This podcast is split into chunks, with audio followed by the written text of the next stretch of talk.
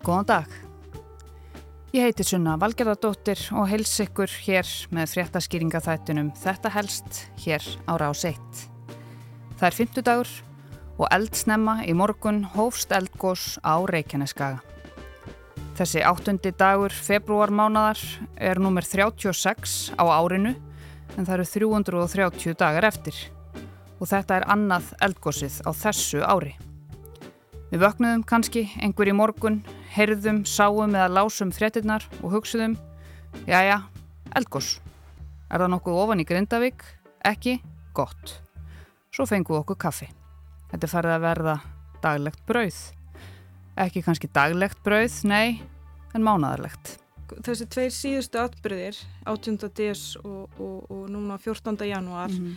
að við erum aðdraðandin að þeim eh, var mjög svipaður að það var búið að sapnast fyrir líkun okkar síndu að það var búið að sapnast fyrir álíka magn e, áður en það hleypir þannig að hugsalega eru við komið það núna með eitthvað svona þröskuld skildi Þessi kona er búin að vera tölvert í fréttum undan farin misseri og ár þetta er Kristín Jónsdóttir eldfjalla og jarðskjálta sérfræðingur hjá Veðurstofu Íslands Kristín hefur líka verið teitluð sem jarðfræðingur sem hún er og svo hefur hún verið hópstjóri náttúruvár og nú ber hún titilinn deildarstjóri eldvirkni jarðskjálta og jarðniks hjá Veðurstofu Íslands.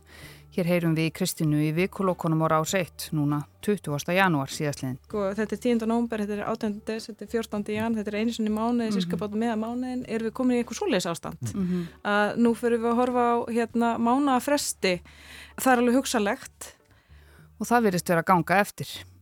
Þetta sem lísti upp skamdegið í morgun, suður með sjó, er það þriðja í þessari röð, sundnúk skíga gósa röðinni. En ef við skoðum Reykjanes eldana í stærra samhengi þá er þetta nummið 6 ef við tökum Fagradalsfjalls eldana með á tæpum þremur árum. Svo það er kannski ekkit skrítið að við hummum og jæjum og byrtum kannski mynda á samfélagsmiðlum ef við búum á þannig stað að gósið sérstútum gluggan á meðan við drekkum morgunkaffið og hlýðum á fréttinnar í róliheitum. Hvað er sprungan laung? Hversu langt eða stutt er hún frá Grindavík? Er það stærra eða minna en síðast? Svo höldum við bara út í daginn.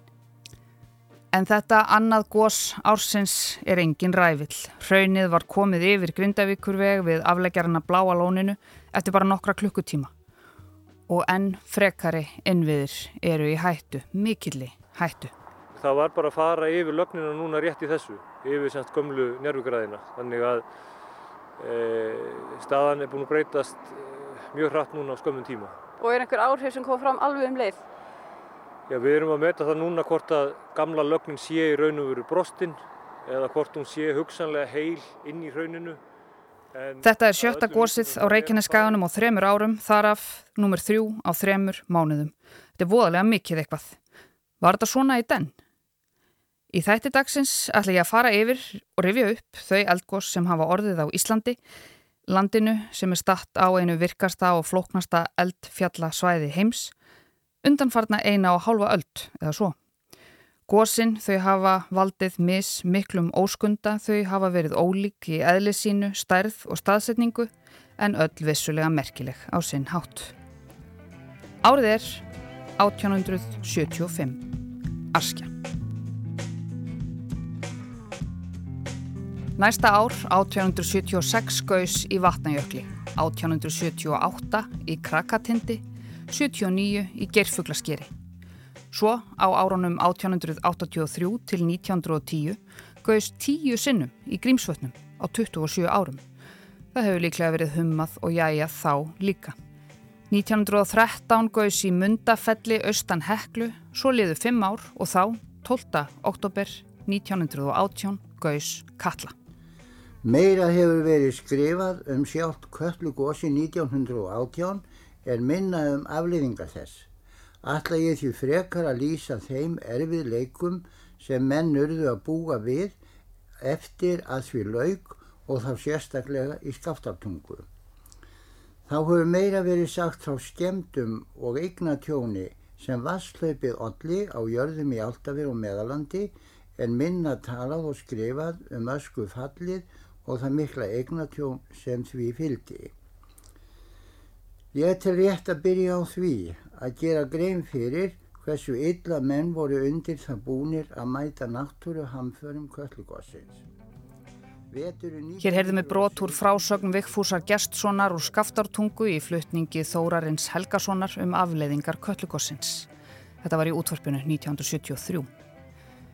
En Grímsvötn og Askja skiptust svo á að reskja sig árið 1921 til 26. 1927 kom smágós við Esjufjöll það orsakaði hlaup undan breyðamerkurjökli þar sem einn lést. Kverkfjöll opnuðust 1929 og Grímsvötn hófur svo aftur upp raust sína með hljöfum um fimm sinnum næstu árin frá 33 til 45 og svo gauðs Hekla með látum. Heklugós nr. 14 hófst 29. mars 1947 Gósmökkurinn náði 30 km hæð og öskufall til söðurs yfir fljótslýð og eigafjöll. Heklu gjá opnaðist endi laung. Hraungós hófst svo aftur í ösku í oktober 1961 og stóð í mánuð. Þegar því var lokið ákvað jörðin að tími væri komin á vestmannegar. Surt seg varð til þegar eldgós varð neðansjávar í november 1963 og gósið stóð í tæp fjögur ár því lauki júni 1967. En Hekla var í miklu stuði á síðustu öld, vorið 1970, 5. mæ, gauðs hún með látum í 15. sinn með tilherandi öskufalli og vesinni. Þegar því var lokið fengu Íslandingar um það byrð þryggja ára kærkomna pásu frá jarðeldum. Og svo 23. janúar 1973 gauðs á heimaegi. Það er alltaf verið að tala um kröplu eldana í tengslu með jarðeldana á Reykjaneskaganum. Við leitum í reynslubankan eðlilega. En framkvæmdir voru að hefjast við kröpluvirkjun um mitt ár 1975 og jörðin byrjaði að skjálfa. Svo skal hún meira og meira og svo loks opnaðist hún 20. desember 1975 við Leirnjúk. Þetta var upphafið að kröplueldum.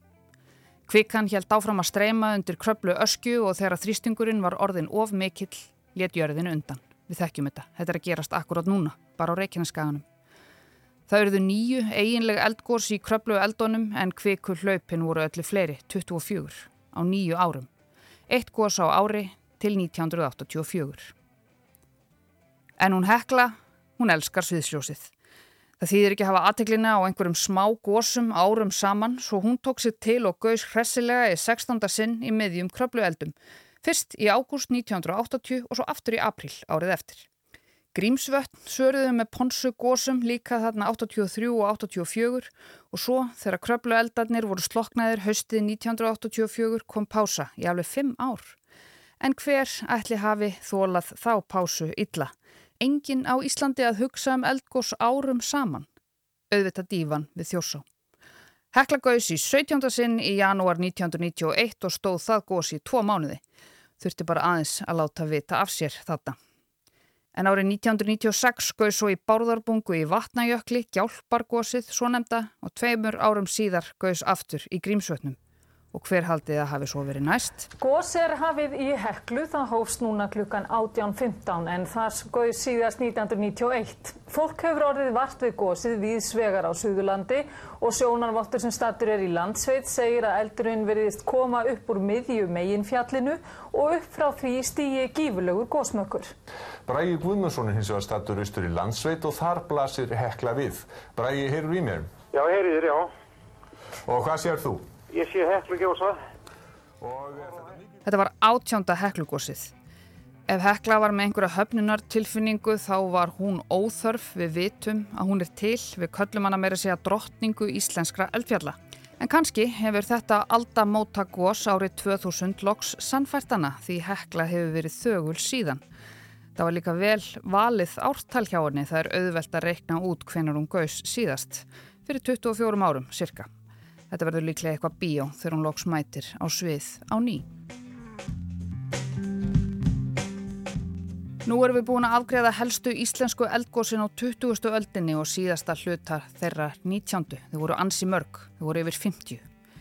En hvernig er öldin okkar, þessa sem við lifum nú þegar að litið er til eldgósa? Við erum nefnilega svo litið fljót að gleyma. Upphaf eldana á Reykjaneskaganum varð með eldgósinu í Geldingadölum 19. mars 2021. Það var lítið, það minnsta í langan tíma. Óttalegu ræfill þetta sjötta gós aldarinnar. Kíkjum á fréttinnar aðeins fyrir þremur árum. Vatnajökull reið á vaðið á 21. öldinni að kvöldi 1. november 2004. Gósið stóði yfir í viku. Líklegt er talið að gósið hefjast við grímsvötn í Vatnajökli. Svona hrína þegar kvik er að brjótast upp til yfirbóls. Þannig að það er líklegast þetta endur með gósi. Rúmum fimm árum síðar, 20. mars 2010, rumskaði Eyjafjallajökull. Kvikan kemur upp í nánd við Fimmvörðuháls. Það þurft að rýma hér næstum allar nærsveitir vegna eldgóðsins þegar, þegar það hófst rétt fyrir miðnætti í nótt. Gósið í Fimmvörðuhálsi stóð í tæpan mánuð til 13. apríl. En það var næsta morgun sem fór fyrst að draga til tíðinda. Eldgós hófst í Eyjafjallajökli í nótt. Það er markvallt stærra en gósið við Fimmvörðuháls. Sig dælt yfir myndast við hábungu jökulsins og gós bólstra stíga í 12.000 fett. Rökkvaldur, hvað getur sagt okkur nákvæmlega núna? Hver er staðan? Uh, það er eldgós augljóslega. Eldgósið brætti ísinn, bjóð til flóð og stöðvaði flugumferði heiminum og eldfjallið með erfiða nafnið varð heimsfrækt nánast yfir nótt. Eyja, Flæja, Jakur, Val. Eyja, Flæja, Jökuval. It's Eyja, Fjapla, Jökull. Eyja, Volek. Huge clouds of ash shot into the air by Iceland's, I hope I'm saying this right, volcano. Eldgósið í Eyjafjallajökli stóð yfir í rúman mánuð til 23. mæ. Svo leið næstum því heilt ár án eldgós á Íslandi, en þá var friðurinn núti. Allt bendir til þess að eldgós sé að hefjast í Grímsvötnum, skjáltavirknu hófst núna klukkan hálf sex. Við höfum virkjað almannakerfi í, í takti við þær áallanir sem að um slíkan atbyrðu gilda. Það er endar engin bráð hætta af, af gósi á þessu, þessu svæði. Gósmökkurinn frá Grímsvötnum sást allt frá eigilstöðum til Selfoss. Hann náði um 20 km upp í loftið og öskufalli var gífurlegt um tvöfalt magn sem kom úr Eyjafjallajökli. Eldgósið í Grímsvötnum varði í viku og var formlega lokið morgunin 28. mæ. Lítið eldgós var norður af Dingjöjökli rétt eftir miðnætti nótt. Eldurinn færðist í aukana fyrstu tvær klukkustundirnar en síðan dró úr honum og telja vísindamenn að gósinu hafi verið lokið um klukkan 5 í morgun. Gósið hefur sókt í sig veðrið fram eftir degi að mati vísindamanna við góstöðarnar. Alltaf 100 metra háir góstrókar hafa þeist upp úr gósprungunni sem er svo sama og opnaðist aðfaranótt föstudags. Gósið í hólurhraunin náði hámarki á fyrsta degi og það gaus úr næri tveggja kílometra langri sprungunni vel og lengi í halvt ár. Já, það bendir flest til þess að eldgósin hafi lokið í gær, þessi 27. februar. Fyrir rúmlega þremur vikum opnaðist svo jörð á Reykjaneskaga eftir 800 ára hlið. Það sem við erum að horfa á er bara ótalur ræðill og, og, og, og þetta uh, er góður í gangi núna í, í hvað, tvo og halvan tíma. Bara svona uh, í, í fegurðarskinni, er þetta ekki aldrei laglegt yfir að líta? Í, svona höngos er alltaf mjög svona tegnaleg en, en þetta er nú uh, ekki stórt. Þessi gós annall var fluttur í april 2021. Svo leið rúmt ár og þá gaus í Merardölum rétt hjá Faradalsfjalli. Svo leið tæft ár, þá gaus við Littla hrút. En Littla gósinu við Littla hrút lauk í ágúst í fyrra eftir rúmar þrjár vikur en Reykjaneskæin var bara rétt að byrja. Hamfarinnar hófust svo fyrir alvöru nokkrum mánuðum síðar. Grindavík var rýmd í november eftir ógnarskjálta og eðileggingu og síðan, 18. desember, opnuðust sund núk skígar með fjögura til 5 km langri sprungu. Mánuði síðar, 14. janúar, hrifnaði jörðin aftur og lagði Grindavík undir sig.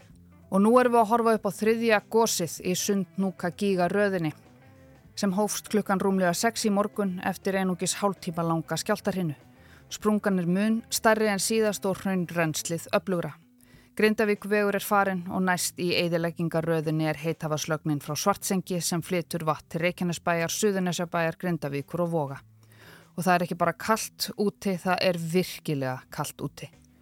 Og við erum, eins og sagt er, í miðjum atbyrði svo þessi loka orð gætu verið orðin löngu úrelt þegar þið hlýðið á, en þau áttu við á einhverjum tímapunkti nú laust fyrir hádegi, 5. daginn 8. februar 2024. Við getum vist ekkert annað gert en vonað það besta. Ég heiti Sunna Valgeradóttir og eldgósa annál síðustu alda var á dagskráni í þetta helst í dag. Takk fyrir að leggja við hlustir og við heyrumst aftur á morgun.